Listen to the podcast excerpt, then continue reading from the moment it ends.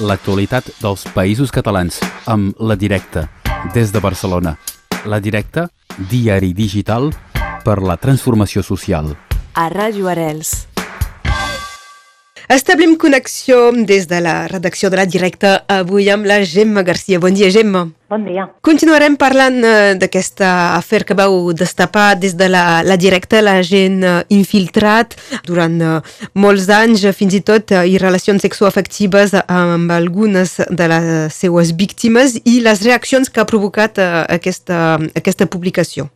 Exacte, durant al llarg d'aquesta última setmana doncs, hem vist reaccions polítiques, no? socials, entitats socials, mobilitzacions fins i tot a la ciutat de Barcelona i també doncs, una repercussió mediàtica no? en els mitjans de comunicació main, més mainstream important i nosaltres doncs, hem volgut incorporar no? Entre, dins aquest, al marc d'aquesta investigació hem volgut incorporar també la veu d'una de, de les juristes que està darrere l'acció jurídica, és a dir, de la querella criminal que es va presentar justament l'endemà d'haver publicat nosaltres aquesta investigació, que és Laia Serra, una advocada penalista, que precisament doncs, publica a la directa un article on se centra en analitzar el que ella anomena violència institucional sexualitzada, no? en el que creua precisament aquesta violència institucional amb aquesta especificitat que tu ja has mencionat, no? que aquest que aquest eh, policia infiltrat doncs, utilitzés aquestes relacions sexafectives en el marc d'aquesta operació d'infiltració. Per tant, doncs, voleu, podreu, podreu entendre una mica aquest concepte i veure també des del punt de vista jurídic com es desenvolupa i per què en aquesta querella defensen no, aquest entrecreuament i que això realment seria, no, diuen que seria un delicte, diversos delictes, aquest entrecreuament entre la violència institucional i, i la sexual. Per tant, podeu, podeu llegir aquestes reflexions de la Serra a la pàgina web. Um, per, per acabar també sobre aquesta qüestió, ho havíem ja comentat eh, la setmana passada, però havíeu fet una, una demanda d'ajuda de, de finançament per justament poder continuar fent aquest tipus d'investigacions que agafen eh, molt, de, molt de temps, molts mesos d'investigació i la gent ha respost molt bé. Exacte.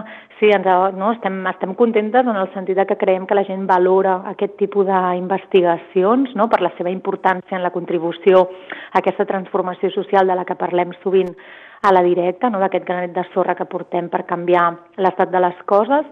I hem superat no, aquest objectiu que teníem de 10.200 10 euros i per tant estem estem contents i contentes sobretot perquè això també ens permet no, continuar estirant del fil, ja que com hem apuntat i com vam apuntar la setmana passada, estem convençudes que això és una operació no, d'introducció múltiple d'agents, no? i que per tant, quan vam trobar el primer cas al juny ja vam veure, hem vist ara que no era un únic cas, i ara hem tret aquest segon cas i creiem que tampoc és, és l'últim, no? Eh, passem a la secció d'internacionals amb aquest uh, esgarrifós terratrèmol uh, entre el Kurdistan, Turquia i Síria, però evidentment aneu una mica més lluny que de comptar malauradament les, les víctimes, que també és força inquietant. Sí, hem, hem vist necessari reaccionar a aquest gran terratrèmol, no? que de fet el balanç és, és esfereïdor, hi ha més de 9.000 morts, més de 2.500 edificis ensorrats, el, no, com bé sabeu, al nord-est de Síria al sud de Turquia, que òbviament inclou el Kurdistan. Hi ha unes zones molt castigades per, pel conflicte que existeix de fa molts anys i sí que volíem posar no, aquesta mirada a les crítiques que han fet diverses entitats, a les constructores i, i al govern. No? En aquest article, Ferran Domènech com, no explica com hi ha una entitat que està denunciant i està intentant que se l'escolti en relació a la denúncia que el govern hauria recollit. Un impost exclusiu per lluitar precisament contra els terratrèmols, perquè és una zona on n'hi ha, però que s'hauria gastat en, una altra, en, en, altres, en altres coses, no, no precisament en, en, en aquesta prevenció. I per tant que hi ha, que hi ha un problema no, en el que serien les edificacions i la seguretat dels edificis, precisament quan un dels principals sectors econòmics de la zona és la construcció a gran escala i aquesta entitat precisament denuncia que s'han comès irregularitats de forma deliberada. No? Per tant, és un enfocament que creiem important quan Òbviament és un fenomen natural, un terratrèmol, però sovint les conseqüències no només no es podrien haver evitat o es podrien, podrien haver sigut menors en funció de les polítiques que es desenvolupen. I això ens, ens semblava interessant com a enfocament.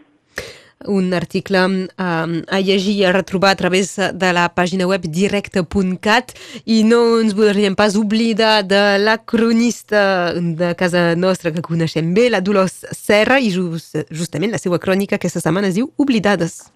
Exacte, hem publicat la columna mensual de Dolors Serra, una columna de memòria, de memòria perquè Dolors Serra precisament comenta que cada febrer se n'en recorda especialment de la retirada, no?, entre el 27 de gener i el 13 de febrer del 39, quan van arribar a Catalunya Nord prop de 500.000 persones demanant refugi.